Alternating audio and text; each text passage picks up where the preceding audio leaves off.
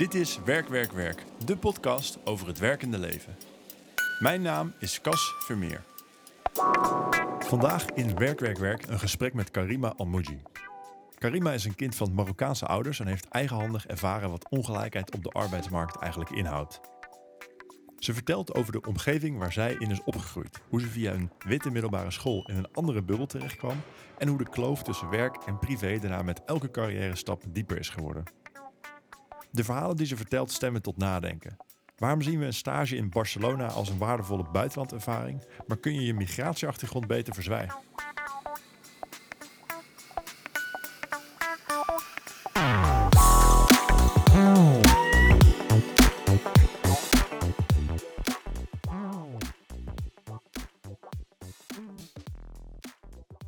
Goedemorgen Karima, het is vandaag 8 augustus 2022 en we gaan het met elkaar hebben over kansenongelijkheid op de arbeidsmarkt. Eh, ik ben heel blij dat jij er bent om het onderwerp mee te bespreken, want ik denk dat jij een verhaal hebt dat heel erg tot de verbeelding spreekt. Uh, daar gaan we dadelijk nog veel dieper op in.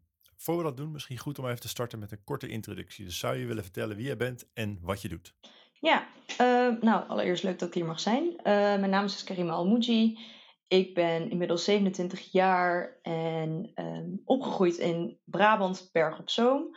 Uh, ik ben oorspronkelijk Marokkaans, dus allebei mijn ouders zijn Marokkaans. Um, ja, ik ben, um, even denken, ja, ben opgegroeid in Berg op Zoom. Daarna ben ik gaan studeren in Delft. En inmiddels werk ik als uh, application engineer bij ASML in Eindhoven. Een, een application engineer, wat doe je dan? Ja, dus um, dat betekent eigenlijk dat we, ASML maakt de machines die de microchips maken. Dus als zo'n machine verkocht wordt, kan je voorstellen dat er nog wel eens technische problemen bij uh, ja, komen kijken. En dan, uh, dus tijdens de applicatie van de machines komen nog wat problemen bij kijken. Dan wordt het geëscaleerd naar ons vanuit de klant. En dan lossen wij dat eigenlijk op. Dus wij kijken echt naar hoe past de klant ons product toe en uh, ja, wat gaat daar mis of hoe kunnen wij daar beter aansluiten als ASML zijnde bij een Samsung, een Intel, een TSMC, een Micron. Ja. Ga je dan ook vaak naar die klanten toe? Zeg maar, vlieg je dan naar, naar, naar Taiwan om uh, een chipmachine te fixen? Ja, ja, precies. Dat is eigenlijk wel het idee. Uh, alleen met corona natuurlijk heeft dat allemaal stilgelegen. Maar uh, voor corona was het 30% reizen, deze functie. Dus hopelijk gaat dat nu weer een beetje terug. Er gaan nu al wel de eerste mensen zijn alweer naar Korea en naar Taiwan geweest. Dus hopelijk, fingers crossed, mag ik ook snel. En um, wat heb je daarvoor gestudeerd? Je zei net in Delft. Ja, dus ik heb in Delft technische natuurkunde gedaan, bachelor en master. Um, ja, ik was vroeger, vond ik het altijd heel interessant om te... Ik vroeg me altijd hele, um, eigenlijk basale dingen af, maar wat uiteindelijk allemaal als uh, antwoord natuurkunde in principe had. Dus ik keek altijd naar de lucht, dacht ik altijd, waarom is de lucht eigenlijk blauw en waarom zijn wolken zo wit? Of uh, als ik zap met de afstandsbediening, hoe werkt dat dan eigenlijk? Hoe communiceert dit ding met de tv? Of hoe kan ik mijn broer pesten? Hoe kan het dat ik mijn broer kan pesten door mijn hand op de, um, op het, zeg maar, hoe heet dat, die, die uh, receiver van de tv te zetten? Dus dat soort dingen had ik altijd, uh, dat soort dingen vroeg me altijd af als kind. En toen kwam ik er dus later achter met open dagen en zo, dat het eigenlijk dus natuurkunde was wat mij het antwoord ging geven op al die vragen. Dus toen ben ik uiteindelijk natuurkunde gaan studeren. Nice. En, en heb je daar geleerd hoe de afstandsbediening werkt van de tv? ja, nu, toen werd het natuurlijk veel complexer dan dat. Maar uh, ja, uiteindelijk kan ik in, uh, al die dingen wel verklaren, ja. en en, en uh, misschien een impertinente vraag. Wat verdien je ongeveer als application engineer bij ASML? Um, ik ben begonnen op, even kijken, ik begon op 45.000. En kreeg al meteen uh, salarisverhoging met december. Dus toen ben ik naar, ik verdien nu 51.000 euro per jaar. En dat is jaarlijks bruto. Ja, wat op zich ja. uh, best veel is voor een starter. Daar ben ik me wel van bewust. Zeker met, als ik vergelijk met vrienden die bij, ja, weet ik veel, een consultancy of zo werken, dan is dat al wel stukken minder, misschien op het begin. Ja. Dus daar heb ik wel geluk mee, denk ik. Dat ASML ja, daar een goede werkgever is. Een, uh, inderdaad, het is een, een, een, luxe werkgever volgens mij. Ja. Cool. Ja. En, en, wat was eigenlijk je allereerste baantje? Wat heb je ooit voor het eerst gedaan om je centen bij elkaar te verdienen? Oh, ja, um, nou, ik ben dus opgegroeid in een gezin van zes. En ik ben de jongste. En we hebben allemaal, um, dat wilden mijn ouders heel graag, we hebben allemaal bij de boer gewerkt in, in de zomers. Um, nu moesten mijn broers en mijn zus moesten altijd dan echt meerdere zomers. Gewoon, we zijn drie, vier zomers gedaan. En ik was dan weer een beetje verwend omdat ik de jongste was. Dus ik heb één zomer gedaan. Maar ik heb tuinboden geplukt bij de boer. Nice. Het was echt... Wel, dan begrijp je wel echt wat geld is. Of dat leer je dan wel. Maar eh, ja, om vijf uur 's ochtends daar staan voor dag en dauw in de zomervakantie. Terwijl al je vrienden zeg maar aan het chillen zijn. Ja, dus dat was mijn eerste baantje. Maar eh, wel veel van geleerd. Ja, wat heb je daar dan van geleerd? Want dat, je, dat gebruik je nu waarschijnlijk niet meer. Je bent geen bonen meer aan het eh, plukken bij ASML. nee, precies. Nee, dat is waar. Ehm, nou, wat ik daarvan heb geleerd is dat je. ehm, ik denk dat ik het sowieso wel interessant vind, is dat je als je gaat studeren en VWO hebt gedaan en dan naar de universiteit gaat, eindig je heel vaak in een soort van de bubbel van dezelfde soort mensen of zo. En ik vond dat, maar dat had ik pas maar door in, in ehm, hindsight, dat toen ik tuinbonen ging plukken, zat ik daar echt zeg maar met ook met echt mensen die geen papieren hadden en zo. Dus, dus sommige dingen werden zwart betaald, sommige dingen werden wit betaald. Ehm, maar dat je echt een soort ander soort mensen had. Terwijl ik zat toen, volgens mij was ik 13, of zat ik, ik zat toen net op het VWO. En ik ging toen in de zomer tuinbonen plukken. En toen dacht ik echt, wow, wie zijn. Het zijn gewoon zeg maar, hele andere soort mensen dan de mensen met wie ik de hele tijd nu Frans en Duits op school aan het doen ben. Ja. Ehm, dus ik vind dat altijd wel heel interessant. En ik denk dat, dat, dat ik misschien dat wel het meest heb geleerd. In de zin van, er is wel echt meer dan ik ben me wel heel erg van bewust dat ik me in een bubbel begeef. Ehm, het is ook wel goed om je daar af en toe, ja, misschien af en toe proberen uit te stappen. Ja, het was een goede manier om daar even gedwongen, zeg maar, een andere, ander stuk van de maatschappij of andere mensen te ontmoeten. Cool. En, Ja, en je zei net al dat, dat, je ouders dat ook belangrijk vonden, dat, dat jullie werken. Kun je wat meer vertellen misschien over jouw, zeg maar, familiegeschiedenis of jouw roots en, en ook eh, nou, hoe je ouders in Nederland terecht zijn gekomen? Ja, ehm, nou, zoals ik zei ben ik dus de jongste van ehm, zes kinderen. Mijn ouders zijn allebei geboren in Marokko, dus echt in het zuiden, in het Atlasgebergte. Ehm, en even denken. Mijn vader is door. eh, Frankrijk had op een gegeven een campagne dat ze eh, werkkrachten nodig hadden in Frankrijk. Dus ze wilden mensen die in de mijnen werkten en Fransen wilden niet in de mijnen werken. Toen hadden ze nog de kolonies in Noord-Afrika. En toen dachten ze, nou, heel handig als we mensen gaan sourcen die in de kolonies wonen. Dus kwamen letterlijk in het dorp bij mijn vader. kwamen toen Franse mannen langs die zeiden: wie wilde naar Frankrijk? Je kan daar werken. Ehm, en toen, volgens mij was dat, dat is in de jaren 60 of zo geweest. Mijn vader is best oud. Ehm, en Marokko was gewoon, ja, was gewoon niet echt heel veel toekomstperspectief. Dus toen dacht mijn vader, nou, laat ik gewoon gaan. En toen is hij in Frankrijk in de mijnen gaan werken. En uiteindelijk in Limburg, via hetzelfde bedrijf, want in Limburg hadden ze toen ook mijnen, daar ook gewerkt. En toen in Brabant ergens, ja, ik weet niet, naar een paar verhuizingen daar blijven ehm, hangen, zeg maar. En toen is mijn moeder meegekomen met gezinshereniging, die regel. En toen zijn al mijn broers en zussen, zijn broers en zus, zijn in eh, Nederland geboren in Bergen uiteindelijk. Dus ze waren, ja, toen vier jongens, een meisje. Toen was het twaalf jaar stil. Toen was er dus een gezin van vijf. Toen dachten mijn ouders, nou, dit is mooi geweest, vijf kinderen. En toen kwam ik twaalf jaar later nog. Echt een Als- nakomer.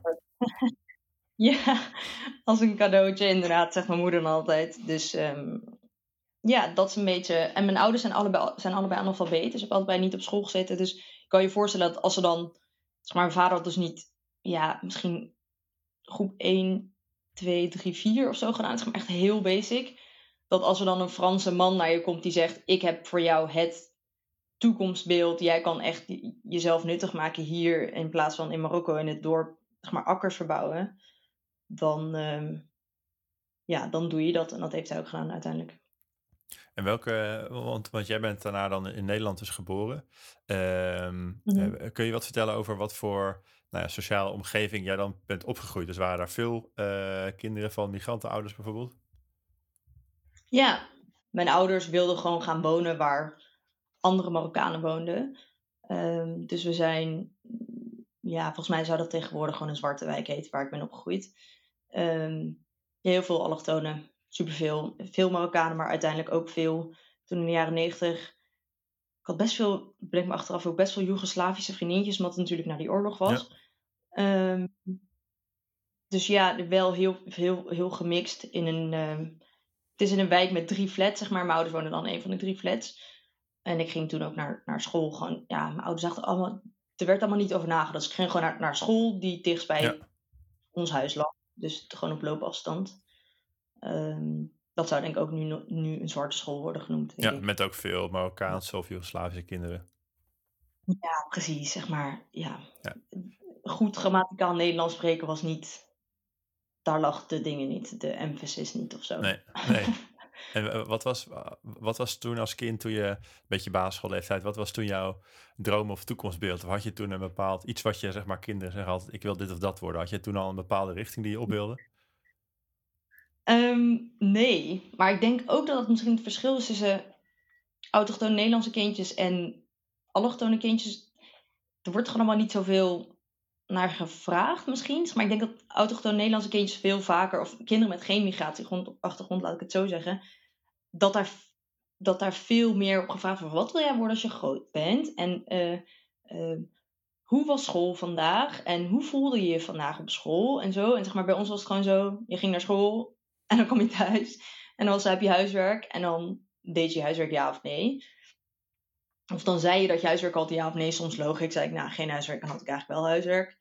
Maar gewoon, er werd niet echt helemaal, je werd niet helemaal intellectueel doorgegrond van wat zijn de dromen en ambities van dit kleine mens, zeg maar. Dat was helemaal niet, ja, ik was gewoon toevallig slim, dus ik deed geen huiswerk, maar ik haalde wel alles en ik haalde gewoon prima goede cijfers.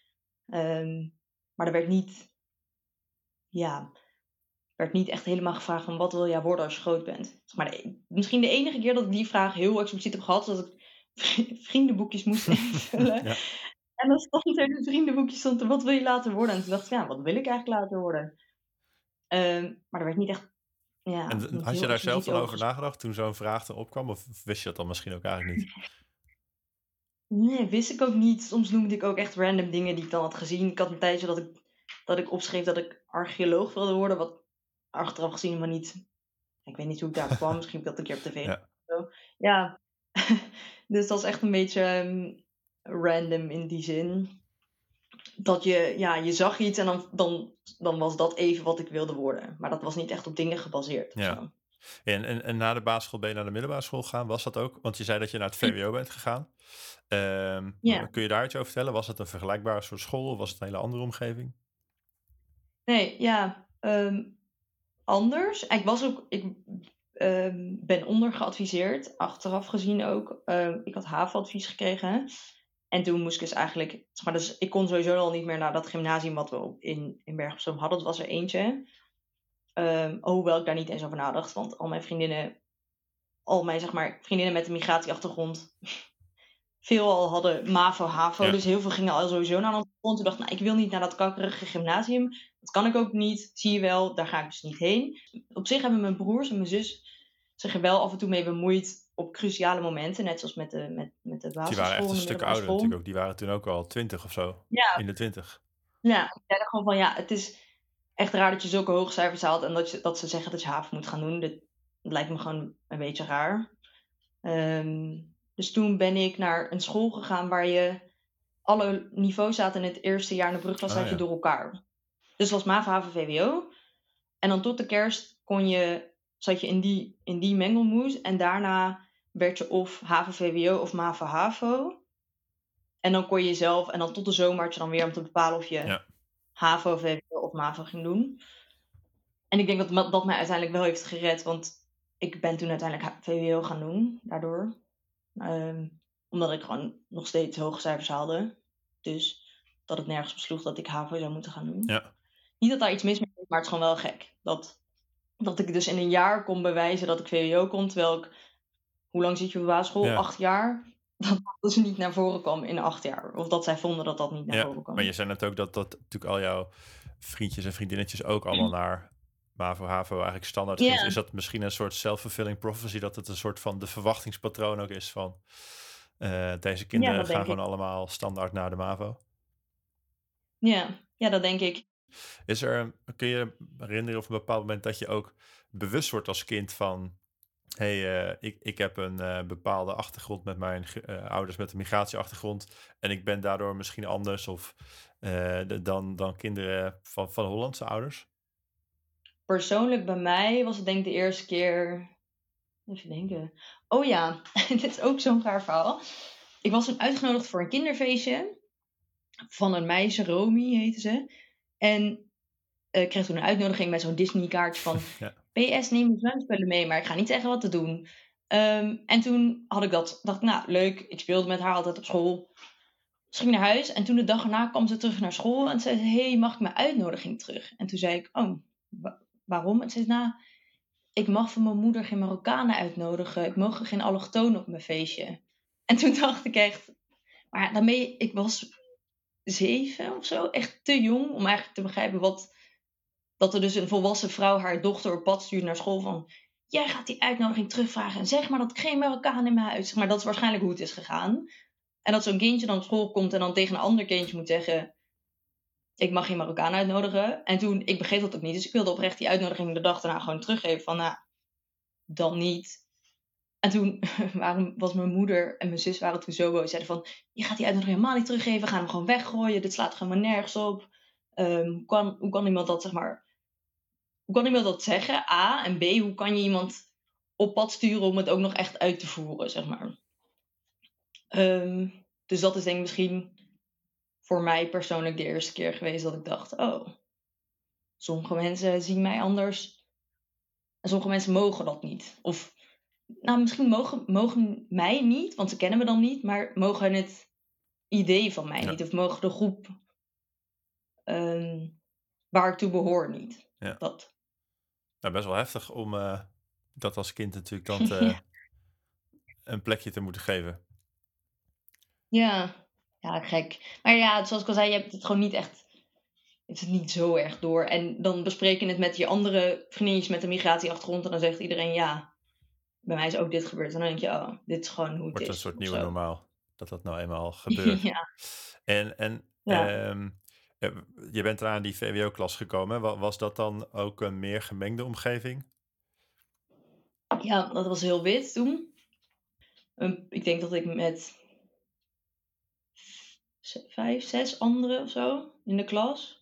Op een klas van dertig. Ja met vijf anderen, denk ik, was ik de enige, ja, waren we de enige met een migratieachtergrond. Um, ja, dus ik denk, ja, dat was, dat was wel een andere omgeving. Ja, want, want uiteindelijk ben je na, na, na de middelbare school natuurlijk naar Delft gegaan. Uh, dus dan schiet je opeens een heel ander deel van de, de maatschappij met uh, superhoge opleiding en, en allemaal, allemaal bolleboos bij elkaar. Um, is, is, is, dat, ik vraag me dan, zit een beetje te zoeken dan waar heb je dan, op een gegeven moment moet je dan zien van, hé, hey, dat is ook een optie en ik, ik wil die kant op. Dus, hoe is dat in jouw soort van belevingswereld uh, terechtgekomen? Um, dat ik uiteindelijk naar Delft, dat ik Delft heb gekozen bedoel Ja, of, en dat je dus dacht van, hé, hey, dat is ook wel, uh, dat is gewoon een optie en ik kan daarheen. Dat je net aangaf van, yeah. zeker in je jonge jeugd, van dat, ja, wat wil je laten worden? Dan denk je misschien, ja, ik weet niet zo goed of kijkt een beetje om je heen. En nou, er was waarschijnlijk niemand technisch natuurkundige bij jou eh, in de omgeving. Ja, maar dat is later wel op je pad gekomen. Ja. precies. Nou, ik denk dat dat begon al op de middelbare school. Dat, omdat ik dus een van de weinigen was, weekte ik sowieso al veel meer los van de mensen met wie ik op de basisschool had gezeten. Dus ook echt, ik, ja, toen begon ik ook steeds, meer, zeg maar, vriendjes te krijgen zonder migratieachtergrond. Versus waar daarvoor echt mijn hele kring, zeg maar, migratieachtergrond had misschien wel indirect dat je um, hen hoort praten over dingen. En ik kan me herinneren dat ik naar de TU Eindhoven open dag ben geweest. Echt letterlijk puur omdat er een paar jongens uit mijn klas, en daar kon ik het best goed mee vinden. Uh, een paar Nederlandse jongens, zeg maar. Die gingen toen naar de uh, open dag. En toen zei ik tegen mijn zus, want ik heb toen mijn zus met al die open dagen gedaan. Uh, zei ik van, oh, misschien moet ik daar wel eens gaan kijken. Misschien is dat iets leuks. Ik weet niet, zij hebben het, het over laat ik gaan kijken. Dus um, omdat ik dus ook steeds meer losweekte van die uh, migratieachtergrond, zeg maar, bubbel, um, werd het ook steeds meer een realistischere ja. Ja, oplossing. Ja. Het is wel interessant, hoor. Dat geeft ook eigenlijk al aan hoe belangrijk het is dat je dan uh, wordt omgeven door... Dus hoe erg je omgeving bepaalt waar je zelf natuurlijk uh, naar gaat of, of, of, waar je zelfs maar naar gaat kijken. Ja, precies. En hoe dus hoeveel geluk of ongeluk je kan hebben als je dus in een omgeving zit waar je dus ja, zeg maar, ik heb gewoon echt wel veel geluk gehad in bepaalde dingen. Dat er zijn waarschijnlijk in een heel veel parallele universa was, een, was deze Karima anders uitgepakt, zeg maar. En, en, toen ging je dus uiteindelijk studeren, ging je naar Delft. Um, en merkte je daar nog iets van je, van je migratieachtergrond? Als in dat je dan een, vanuit een andere uh, startpunt in dat Delftse wereldje belandt? Heb je dat nog een soort van ervaren? Ja, ik denk dat het toen juist extremer werd. Want in Berg op Zoom was iedereen... Zeg maar, er zaten ook kinderen, boerenkinderen, zeg maar, op, op het VWO. Gewoon mensen die ja. iets ouders dan buiten Berg op Zoom een hele bedrijf runden. En in Delft kom ik echt, zeg maar, bij een soort van... Wat achteraf gezien ook wel echt waar is. Ik had het gevoel dat ik echt bij Nederlands elite, zeg maar, zat. Zeg maar, ouders waren beroepen waar ik echt nog nooit van had gehoord. Ehm, of dingen waarvan je hoort, maar die heel abstract klinken, omdat ik daar altijd over had gelezen in een boek. Dus zo van Jantjes vader is architect. En dan kwam ik zeg maar zo'n Jantje in het echt tegen en dan dacht ik, oh, jouw vader is architect. Of ehm, ja, kinderen van twee artsen of twee advocaten of uh, ja, weet ik veel wat, je noemt het maar op. Maar dat was echt heel extreem, denk ik. Ik ging dus natuurkunde studeren, dat had ik dan besloten. En toen weet ik nog dat echt in de eerste week heel veel mensen hadden gymnasium gedaan. Dus heel veel mensen hadden Grieks gehad. En heel veel van die termen in natuurkunde zijn, oh ja. zeg maar een en een delta. En ik keek gewoon naar die en ik dacht echt, dat heb ik echt nog nooit in mijn leven gezien. Wat is dit? En ik had er een paar gezien met degene die je moet kennen als je eindexamen VWO doet. Maar mensen kennen het hele alfabet uit hun hoofd. En toen zei ze, heb je dan geen Grieks gehad? En ik zei, nee. En dan was het zo, oh, heb je dan Atheneum gedaan? En ik, ja, ja. En dan was het echt zo, oh, oh, blijkbaar heeft iedereen heeft deze memo gemist. Of mensen hadden het over zeilen, mensen hadden het over golven. Echt dingen die ik echt nog nooit mijn leven had gezien of gehoord. Ja, en ineens zat ik daartussen en ineens, dat was misschien vooral het gekke dat ik dan blijkbaar hoorde ik dan ineens in deze bubbel ja. of zo. En hoe, hoe, eh, want je hebt natuurlijk, dan word je deel van die groep en die staat misschien best ver weg van de groep van je familie of je ouders. Dus hoe, uh, hoe dan moet je steeds schipperen tussen die twee werelden of zo. Hoe heb je dat? Hoe, hoe is dat? Ja, Is dat dan is dat lastig? Ja, ik denk dat dat misschien het punt was dat Delft. Het punt was dat je de twee werelden niet meer aan elkaar kon uitleggen bijna. Ja. Zeg maar, daarvoor waren het een soort van twee overlappende cirkels met best een groot overlappend gedeelte. En nu was het zo miniem dat je dacht, ja, hoe, hoe, hoe ga ik tegen mijn ouders zeggen dat ik met iemand studeer wiens ouders elke maand 1500 euro overmaken omdat ze zeggen, nou, zie jij maar hoe je je geld spendeert. En dat, dat, dat ik moet lenen bij Duo, zeg maar. Het was gewoon... En hoe, aan de andere kant, hoe ga je uitleggen aan iemand, aan die jongen die 1500 euro krijgt, dat ik niks krijg? Of dat, uh, dat ik alles bijleen of dat ik moet werken daarnaast. Um, ja, ik denk dat dat, dat Delft was heel extreem daarin. Ja. ja en heb je, is het, eh, heb, heb je je ouders, hoe zeg je dit? Is het, je, is het dan mogelijk om je ouders wel een beetje mee te nemen in jouw reis die je als persoon doormaakt als je dan gaat studeren en misschien de ontwikkeling die je maakt? Of groeit dat juist uit elkaar? Mm, ik denk dat dat juist zo uit elkaar groeit. Als in. Ja, en, en dat heeft denk ik ook te maken met mijn ouders specifiek. Zeg maar, dat heeft misschien minder te maken met dat ze Marokkaan zijn, of nou ook deels. Maar ook mijn ouders hebben gewoon nooit op school gezeten. Dus het hele concept van school, dat is heel abstract al dus, en dan heb je nog die laag. Dus of je een MAVA, HAVO, VWO ging doen, dat, maar, dat mijn ouders begrepen dat. Mijn moeder zei ook, nou, dat maakt toch niet uit wat je gaat doen. En mijn broer, zeg maar, ik weet nog dat toen ik HAVO-advies kreeg, dat mijn broer zegt van, dit kan gewoon niet. Zeg maar, je had, je had hogere cijfers dan de hele klas, hoe kan dit? Zei mijn moeder, nou, het maakt toch ook allemaal niet zoveel uit. Hoeveel verschil is dat nou echt? Dus, zeg maar, ze begrijpen gewoon het schoolsysteem gewoon heel slecht. Wat ook, wat begrijpelijk is dat ze het niet begrijpen. ja. Maar dat, ja, maar dan moet je daarna dus ook nog eens soort van iets, iets uit gaan leggen zoals de universiteit. En dat het dus uitmaakte dat ik in Berg op school heb gezeten op die school waarop ik zat. En niet op een categoriaal gymnasium in Oud-Zuid. Ja. Dat je dat, dat dat verschil echt merkbaar is in het dagelijks leven. In ieder geval op het begin. Dat is heel moeilijk uit te leggen. Ja. En ik denk dat dat ook ja, en dan moet je ook nog uitleggen dat je natuurkunde doet, zeg maar. het is vakinhoudelijk ook niet te doen natuurlijk. ja, dat begrijpen, dat begrijpen zeg maar de meeste mensen al niet echt, laat staan. Nee, precies. Ja, dus ik denk dat, dat, ik denk dat me dat ook niet echt ooit gelukt is, eerlijk gezegd.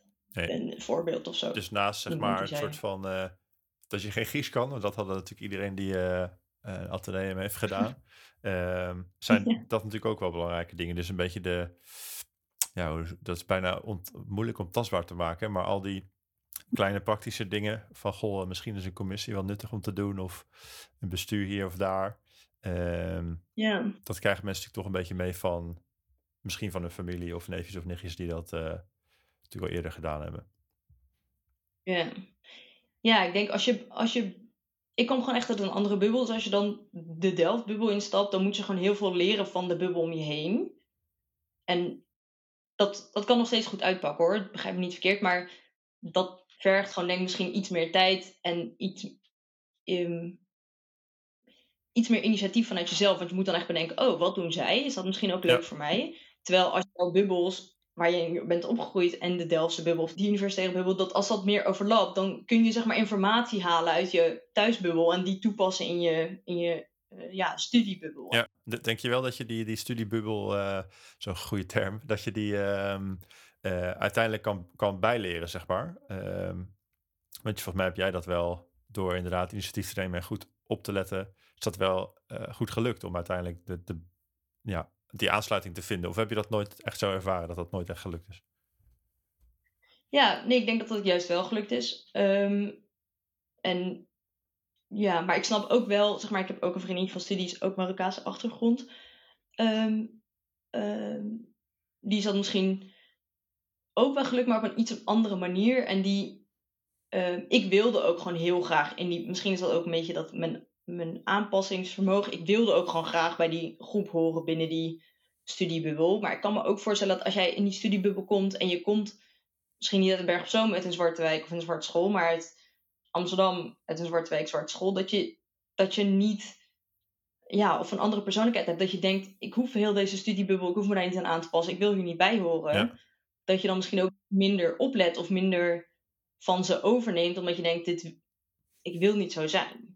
En op de lange termijn denk ik dat in dit, dit systeem zoals het nu is, trek je gewoon aan het kortste eind. Want zij doen het op de manier die beloond wordt hierna. Dus als jij daarna solliciteert en je hebt geen commissies of bestuur of zo, dan word je daarop afgestraft in het recruitment systeem daarna. Ja. Ehm, wat stom is, want zij zijn misschien dichter bij zichzelf gebleven en wilden dat gewoon niet. Of ik weet niet, misschien hebben ze ja, andere dingen gedaan. Misschien altijd gewerkt bij de Albert Heijn. Altijd vakken gevuld, teamleider geweest. Zeg maar allemaal dingen die niet beloond worden in het huidige systeem. Ja, en dat is wel gek als je daarover nadenkt. Zeg maar, Het is mij gelukt omdat ik me aanpaste. Ik kan me ook voorstellen dat, dat andere mensen denken, nou, dit hoef ik helemaal niet. Of zij heeft zich te veel aangepast. Of... Ja, want hoe voel je dat als je dan zegt van uh, je kan je soort van of aanpassen of bij jezelf blijven. Dat klinkt ook alsof je zegt dat als jij je hebt aangepast, je dus je wat minder bij jezelf bent gebleven. Is dat, speelt dat gevoel ook? Oké, misschien niet bij jezelf blijven, maar misschien bij je oorspronkelijke bubbel blijven, laat ik het zo noemen. Ja. Ik denk dat ik, als ik, ik ben al lang geen vriendinnetjes meer tegengekomen van ja. de basisschool, maar ik weet dat als ik daar nu mee zou praten, dat wij staan nog gewoon op twee verschillende planeten. Ja, dus je moet echt eh, een overstap van bubbel dan maken. In plaats van misschien de in mijn hoofd van wenselijk zou zijn dat je de. Hoe zeg je dat? Dat je in allebei de bubbels kan bewegen. Ehm, maar dat misschien bestaat dat gewoon niet echt. Nee, ik denk het niet. Ik denk dat je altijd in een spagaat staat. Ja. Dat, en soms leun je op het ene been even de bubbel, die bubbel in. En soms leun je op het andere been even die bubbel in. Ik denk dat het wel echt moeilijk is om dat heel als de bubbels zo extreem met elkaar liggen, om echt ja, bij elkaar te krijgen, dan ja, dat is denk ik heel moeilijk. Ja. Het is mij in ieder geval gelukt. Laat ik het daarop houden. Nee, nee, en het klinkt als je het zo zegt ook wel uh, als logisch dat dat bijna niet gaat. Maar dat is wel iets wat natuurlijk dan altijd nog weer extra uh, moeite of energie kost. En, en uh, nu werk je bij ASML. Ehm, sociaal, mhm. Vanuit een soort sociaal perspectief zou ik kunnen zeggen: je hebt een goede baan bij een mooi bedrijf, uh, je hebt een mooie studie, uh, alle schaapjes op bedrogen. kunnen we dan stellen dat jij de sociale ladder gewoon beklommen bent en nu aan de top staat? Ja, ik denk dat op papier dat inderdaad zo is. En ik denk dat als je, dat is ook alweer grappig, als je mijn thuisbubbel dat vraagt, dan is dat ook denk ik zo. Ik valt me wel op dat ook al, zeg maar, je hebt de studiebubbel, dat dat, en dat is nu een soort van misschien mijn algemene bubbel geworden. Jouw context of jouw uh, referentie. dat dat gewoon, en wat we net eerder zeiden met al die dingen die je leert van je ouders en ongeschreven regels en zo. En dat dat eigenlijk gewoon niet echt ophoudt voor mijn gevoel. Dat op papier heb ik het hartstikke goed gedaan en ehm, ben ik er. Maar elke keer weer is er toch weer iets dat ik denk: oh, ehm, dat heb ik niet. Of um, die wind heb ik niet mee in de rug, zeg maar. Of uh, ik concurreer weer nu met mensen die plus twee voorstaan. Terwijl, hoe kan dat? Zeg maar, ik, heb, ik dacht dat ik alle. Zeg maar, ik begon op min 10. Ik dacht dat ik alles vereffend had en op nul begon met de rest. Maar blijkbaar hebben mensen deze van die jokers en wildcards die ze dan weer inzetten. ja. ja, en.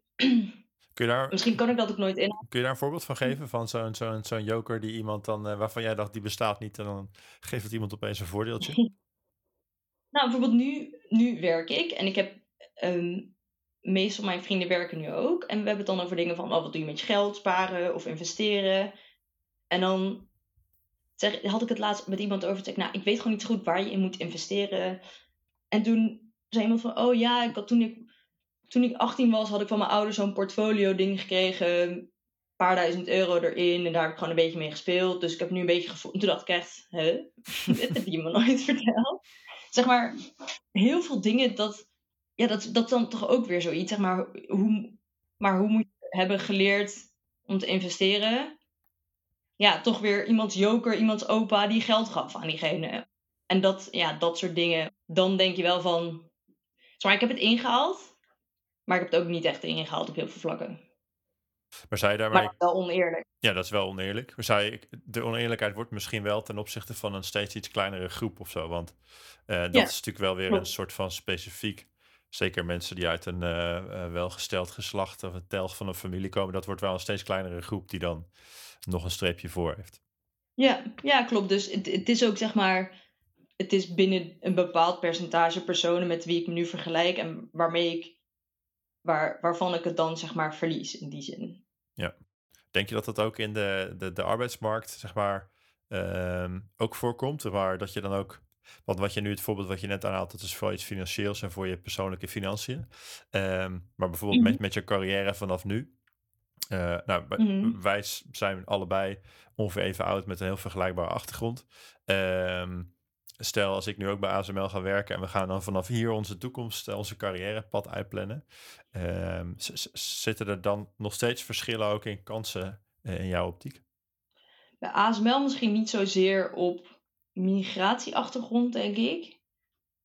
Maar misschien wel weer meer op soort van gender, denk ik. Want als je naar ASML kijkt, bijvoorbeeld, de hele board zijn acht wit mannen van in de 60. En ik snap dat ASML heel lang geleden opgericht.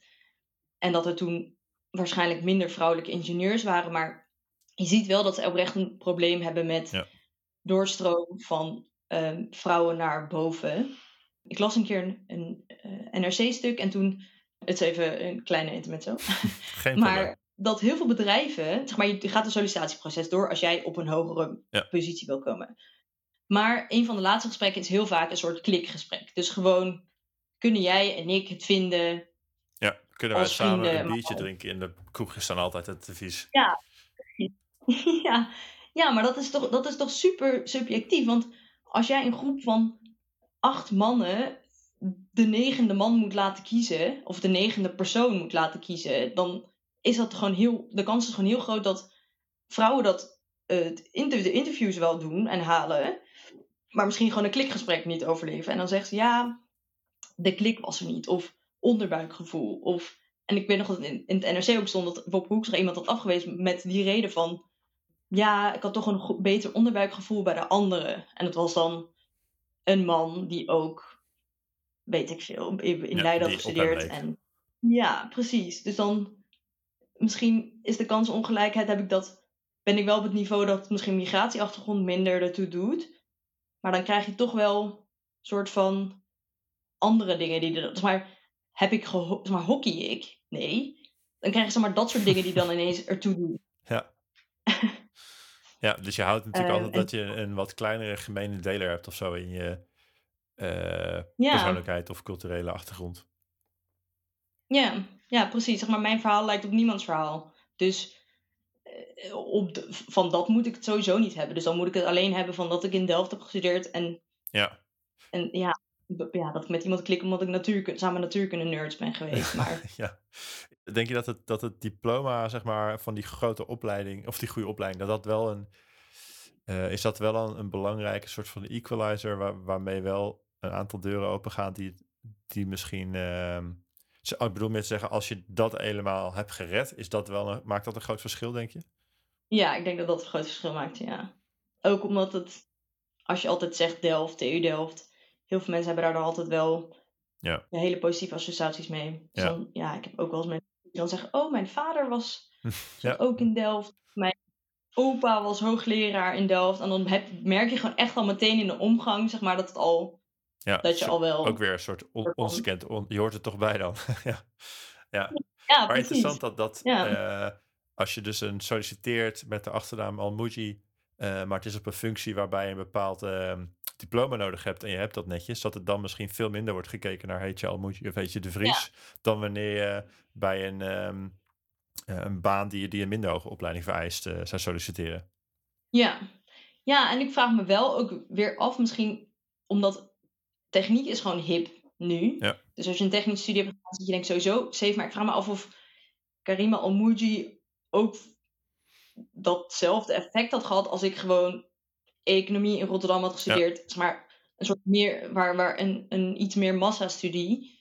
Ehm of, of dat je dan misschien wel weer kansenongelijkheid had gehad. Ja, ja dus die, die, die, maar dat is natuurlijk voor ons allebei een beetje gissen. Maar het zou best kunnen dat die ongelijkheid nog dus wel een beetje varieert tussen verschillende ehm, aspecten. En je hebt natuurlijk ook, eh, jouw diploma is misschien inderdaad wat meer uitzonderlijk. En daardoor wordt dat dan gewoon een belangrijke onderdeel van je cv.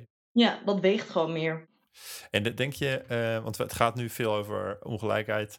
En dan is het vaak, wordt die, migratieachtergrond als een, als een nadeel gepresenteerd. Of dat, dat, is het, denk ik ook. Eh, maar je zou kunnen zeggen, misschien dat al die tegenwind je ook wel op een bepaalde manier vormt. Eh, dus zie je ook voor werkgevers misschien juist wel redenen om te zeggen van je zou juist mensen met een migratieachtergrond moeten aannemen voor bepaalde functie of richtingen. Ja. ja, ik denk dat het voor werkgevers ook inzichtelijker zou zijn als zij zich bedenken dat voor mij, om überhaupt een studie technische natuurkunde te doen, heeft mij veel meer. ehm, maar ik moest echt van verder komen Ja. dan iemand die een oom had die ook technische natuurkunde heeft gedaan. En misschien ook ehm, dingen zoals wat ik net zei, ook van er wordt veel meer waarde gehecht aan een commissie doen en aan een bestuur, maar niet aan je hele studietijd bij de Albert Heijn werken, omdat je gewoon je studie moest financieren. Zeg maar, terwijl je daar ook.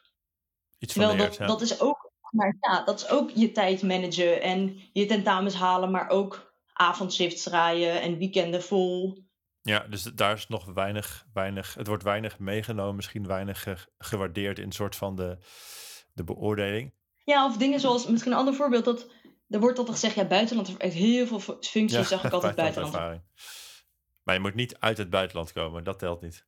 Ja, dat is, toch, dat is toch heel raar, dat ze dan zeggen van, zeg maar, mijn vriendinnetjes van vroeger, die zijn gevlucht uit Joegoslavië. Dat telt dan niet als een soort van buitenlandervaring, terwijl zij moesten zich van letterlijk één op andere dag van een hele andere cultuur naar een hele andere cultuur begeven. Alleen iemand die even een halfjaartje, zeg maar, in Barcelona heeft gepartied, dat is wel, dat is wel buitenlandervaring. En dan zeker met van die consultiebedrijven, die zijn er echt heel goed in om dat soort dingen allemaal te belonen. Dat je denkt, Waar filter je eigenlijk op als je daarop zoekt? ja, Ja, dat is denk ik een goede vraag. Ik had dit voorbeeld eh, laatst ook inderdaad ergens anders gehoord. En toen dacht, dacht ik ook, het is echt van de zotte dat als je dan de beste buitenlandervaring ooit hebt, namelijk dat je uit het buitenland komt, zeg maar, dat je dan alsnog te horen krijgt van misschien moet je even vier maanden in Barcelona inderdaad eh, nog even een stage gaan lopen. Of kindjes die bijvoorbeeld slecht Nederlands spreken, omdat ze bijvoorbeeld Turks of Marokkaans thuis spreken, worden altijd uh, blijf altijd zitten en zo op de basisschool. Terwijl ik heb mensen in Delft ontmoet die van een internationale school kwamen en hun Nederlands was echt, zeg maar, bagger. Dat ik dacht, in het normaal Nederlands systeem had jij gewoon nooit overleefd. Ja. Of waarschijnlijk wel, omdat je blanke wangetjes hebt. Maar zeg maar, dat soort dingen. Dus van bilingual en zo wordt allemaal, zegt ze altijd. Want die zijn door het internationale schoolsysteem gegaan, bedoel je, waar ze dan Nederlands of Engels mochten praten of wat dan ook? Ja, maar, maar als zij waarschijnlijk in Nederland waren ingestroomd op een gegeven moment, vraag ik me af of zij ook waren, hadden, hadden moeten blijven ja. slecht Nederlands spraken. Of dat ze dan hadden gezegd, ah, die, dat zijn expatskindjes, dat maakt niet zoveel uit. En, en dan zeggen ze tegen Mohammed, ja, maar jij spreekt slecht Nederlands en dun het is moeilijk omdat je moeder maar Marokkaans tegen je praat. Ja. Ja, soms echt een beetje asymmetrisch, al die dingen. Dat je denkt, ja, we zeggen dat we het ene willen, maar uiteindelijk in de praktijk doen we echt het ander. Ja, en je, je had daar natuurlijk ook, uh, je refereerde net al even naar uh, essay over geschreven, of in ieder geval gerelateerd aan het onderwerp. Dus uh, voor het tv-programma Sander in de Kloof uh, was een oproep van uh, schrijf essays over de, uh, het onderwerp rondom de kloof. nou, jij had een essay geschreven genaamd de Squid Game Maatschappij. Waarom, waarom dacht je van ik ga hierop, ik ga, ik ga schrijven? Ik had corona. dus ik zat. het was het een Je had niks te doen. nee, ik zat de hele week thuis en toen weet ik nog dat ik die aflevering allemaal aan het binge-watchen was. En toen echt bij aflevering drie ik had er al over gehoord, maar ik had gewoon geen tijd gehad om het te bekijken. En toen bij aflevering 3 dacht ik echt.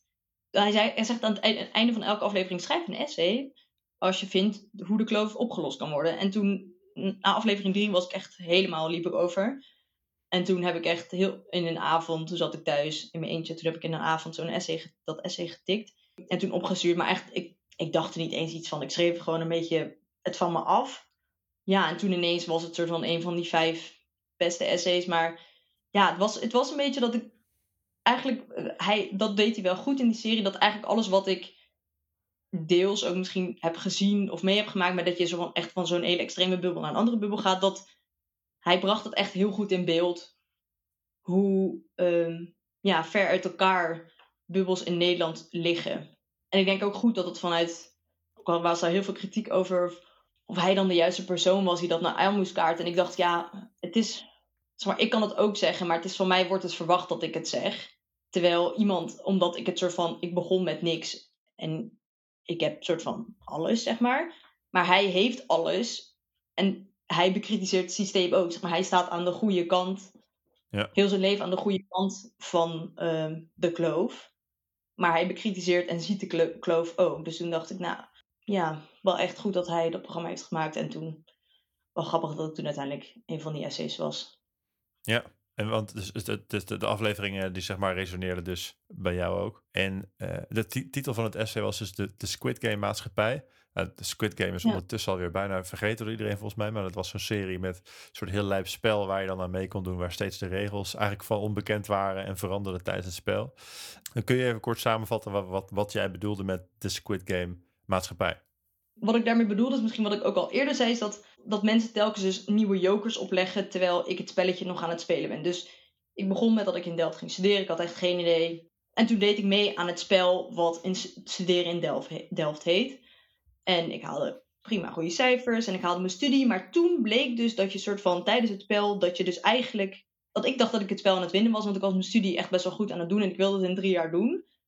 Dat om het spel te winnen je het niet zo snel mogelijk moest afronden, maar dat je dus commissies en besturen moest doen. En dus dat heb ik toen uiteindelijk ook gedaan. Dus in principe heb ik die ronde overleefd. Maar dat het, dat het meer illustreert dat, dat het spel wat gespeeld wordt, dat de regels er gewoon van niet van duidelijk zijn. Dus wat ik ook net zei met dat je. Uh, wat doe je met je salaris? Ik verdien je salaris. Ga je investeren of niet? Dat ik dacht, nou, ik moet gewoon salaris, moet je gewoon sparen. Appeltje voor de dorst en zo. Maar dat, is niet, dat zijn niet de, de spelregels voor dat spel. Om, hoe ga je goed met je geld om? moet je dus een beetje je geld voor je laten werken. En dat is ook weer zo'n geval van dat ik dacht, ik, ik speel het spelletje nu goed. En dat, dat de regels toch weer anders zijn. Dat ik dan ja, een beetje trial and error erachter moet komen dat het anders is. En ik denk dat dat in principe de hele Nederlandse maatschappij is de hele tijd. Ja, dat er gewoon heel veel ongeschreven dingen zijn. Regels zijn, ja. Uh, ja, heel veel ongeschreven regels zijn. Ja, waar je maar gewoon net van moet afweten. Waarvan je net maar moet het geluk moet hebben om daar tegenaan te lopen. Om te bedenken, oh zo zit het dus. Of, of zo moet ik het doen. Of iemand moet het tegen je zeggen. Maar het is echt moeilijk om het echt zelf helemaal from scratch uh, uit te vinden. En dat is ook een beetje wat, ja, en dat is een beetje wat die Squid Game ook uiteindelijk was. Inderdaad, die series weer lijkt echt super lang geleden, wat echt wel meevalt. Maar... die series blijken een week houdbaar te zijn, ja. ja. Dat is in principe wat daar toen ook was, dat je dan eerst een deelnemer moest zien vallen om te bedenken, nou, zo moet het dus niet doen. Zeg maar, er moeten heel veel mensen sneuvelen voordat de, de laatste persoon het haalt. En misschien wat ik bij de Squid Game zo, zo grappig vond en wat wel de, de analogie was die ik probeerde te maken, is dat de regels worden bedacht op het eind zien van die mensen met van die gemaskerde, van die dierenmaskers op hun gezicht. Dat er een soort, soort van, toch een groepje mensen gaat over wat de regels zijn en hoe de regels in elkaar zitten en hoe die bepalen wie, wie het spel wint en op welke manier de essentie van de zeg maar, ongelijkheid zit er misschien wel in dat. Uh, want de regels die. Er zijn denk ik heel veel van dat soort, soort van social fabric, al die regels. Op zich veranderen die niet misschien heel snel. Alleen er zit heel veel ongelijkheid in hoe bewust iedereen zich is van die regels of hoe goed je ervan uh, ermee bekend bent. Uh, en dat is natuurlijk wel dan een soort van unfair, want als je dat dus niet zo mee hebt gekregen van vanuit je thuis of je, je, de, de, de, culturele omgeving, dan moet je die dus allemaal ontdekken. Uh, en misschien lukt dat wel niet en weet je niet eens wat je verkeerd doet. En als je die wel hebt meegekregen, dan heb je dat eigenlijk heel erg mee. En dan doe je overal precies het juiste om een stapje verder te komen. Ja, ja precies. Ik, zat, ik had er een keer over nagedacht van... In principe zou je gewoon een soort van bijna een, een, handboek kunnen schrijven. Ja. misschien uh, ligt hier een kans, Karima. Ja, Ga je studeren, doe dan een commissie. Uh, ga je werken, doe dan iets met je geld. Um, ja, ja, bijna wel inderdaad. Dus een soort, ja, er ligt ergens een soort, de, de grote spelregels liggen ergens, maar ja, je moet er maar net achter komen wat het is, of je krijgt het mee inderdaad. Maar voor de rest van de mensen blijft het wel een beetje, ja, gissen. Ja, in je essay uh, schets je ook wat, wat manieren waarmee we misschien uh, als maatschappij vooruit zouden kunnen om die ongelijkheid uh, wat meer um, te bestrijden. En volgens mij heb je het daar vooral in een soort van uh, mensen bijvoorbeeld stages, maatschappelijke stages laten lopen. Waarom denk je dat dit een, een, een mogelijke oplossing zou kunnen zijn?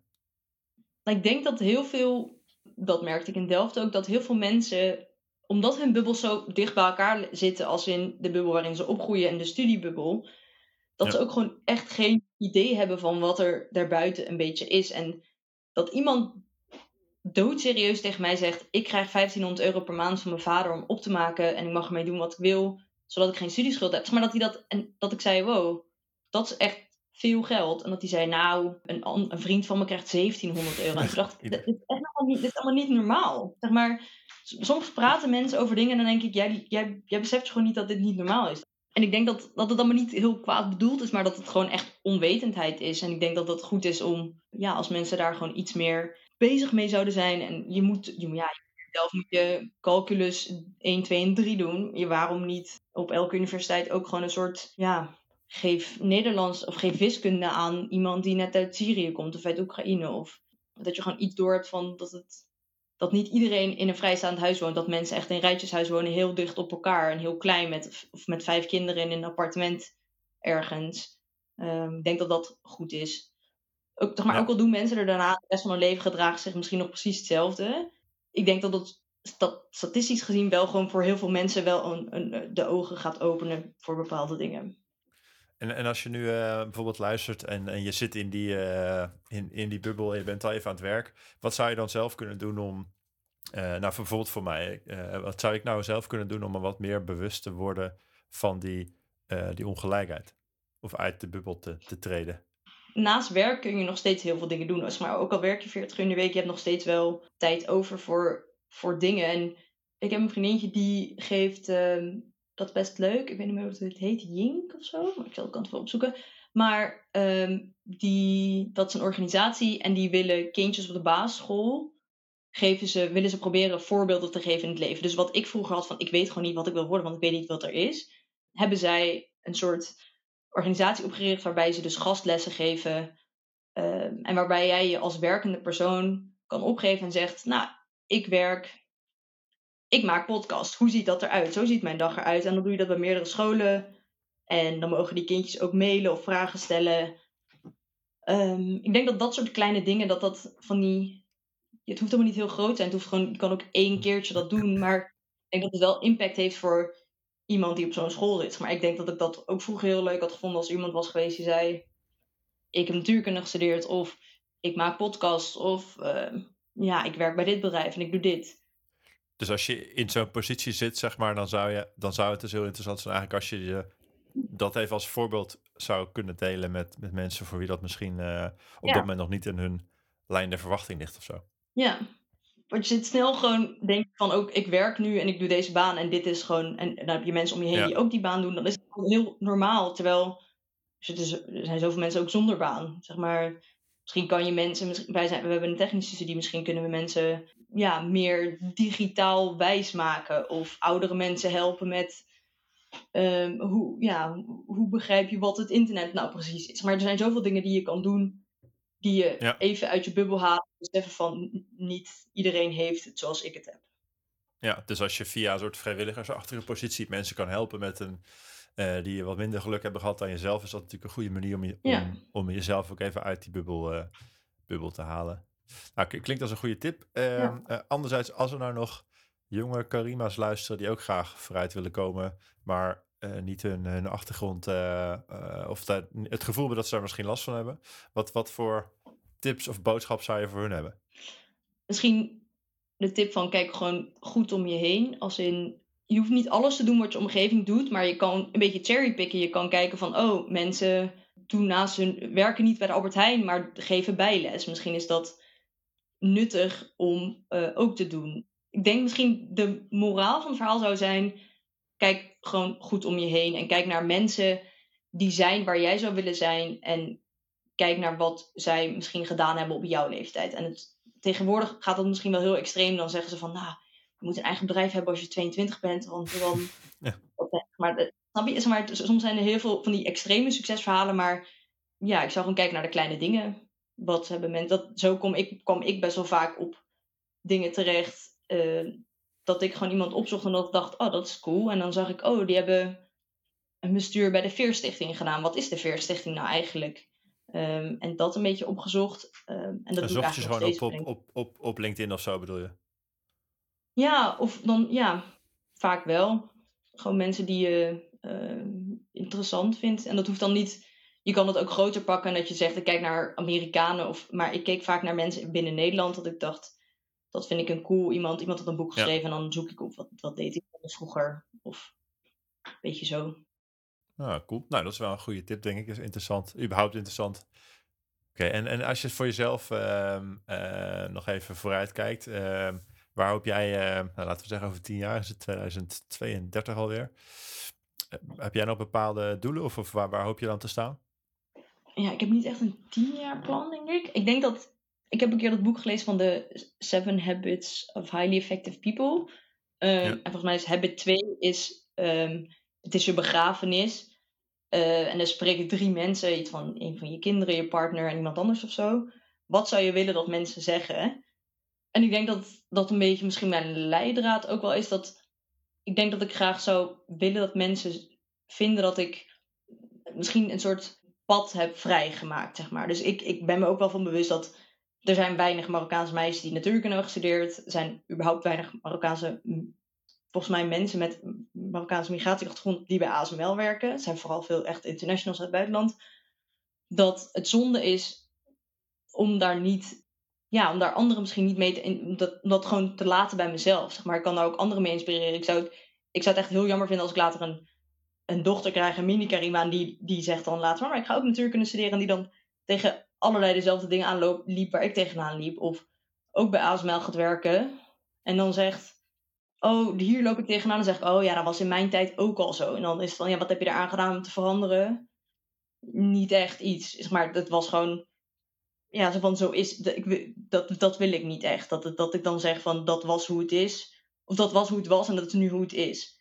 Um, ik zou wel graag kunnen zeggen van, ik heb wel echt mijn best gedaan om dit en dit daarin te veranderen. Dus daar wil je in de komende tien jaar wat aan gaan doen. Stappen ja. inzetten. Ja. Heb je concrete voorbeelden daarvan? Of, of dingen die je graag hoopt, die je daarvoor wil doen? Um, ik denk dat ik binnen ASML op zich wel zou willen groeien naar een functie waar misschien bijvoorbeeld geen vrouwen ervoor hebben gezeten. En niet per se omdat ik dan wil provoceren van ik ben de eerste vrouw, maar gewoon dat je het dan laat zien van dit kan ook gewoon. Maar dat, dat, dat het niet gedaan is Om die hiervoor. deur te openen. Ja, dat het niet gedaan is hiervoor niet betekent niet dat het niet kan, maar dat het gewoon niet is gebeurd.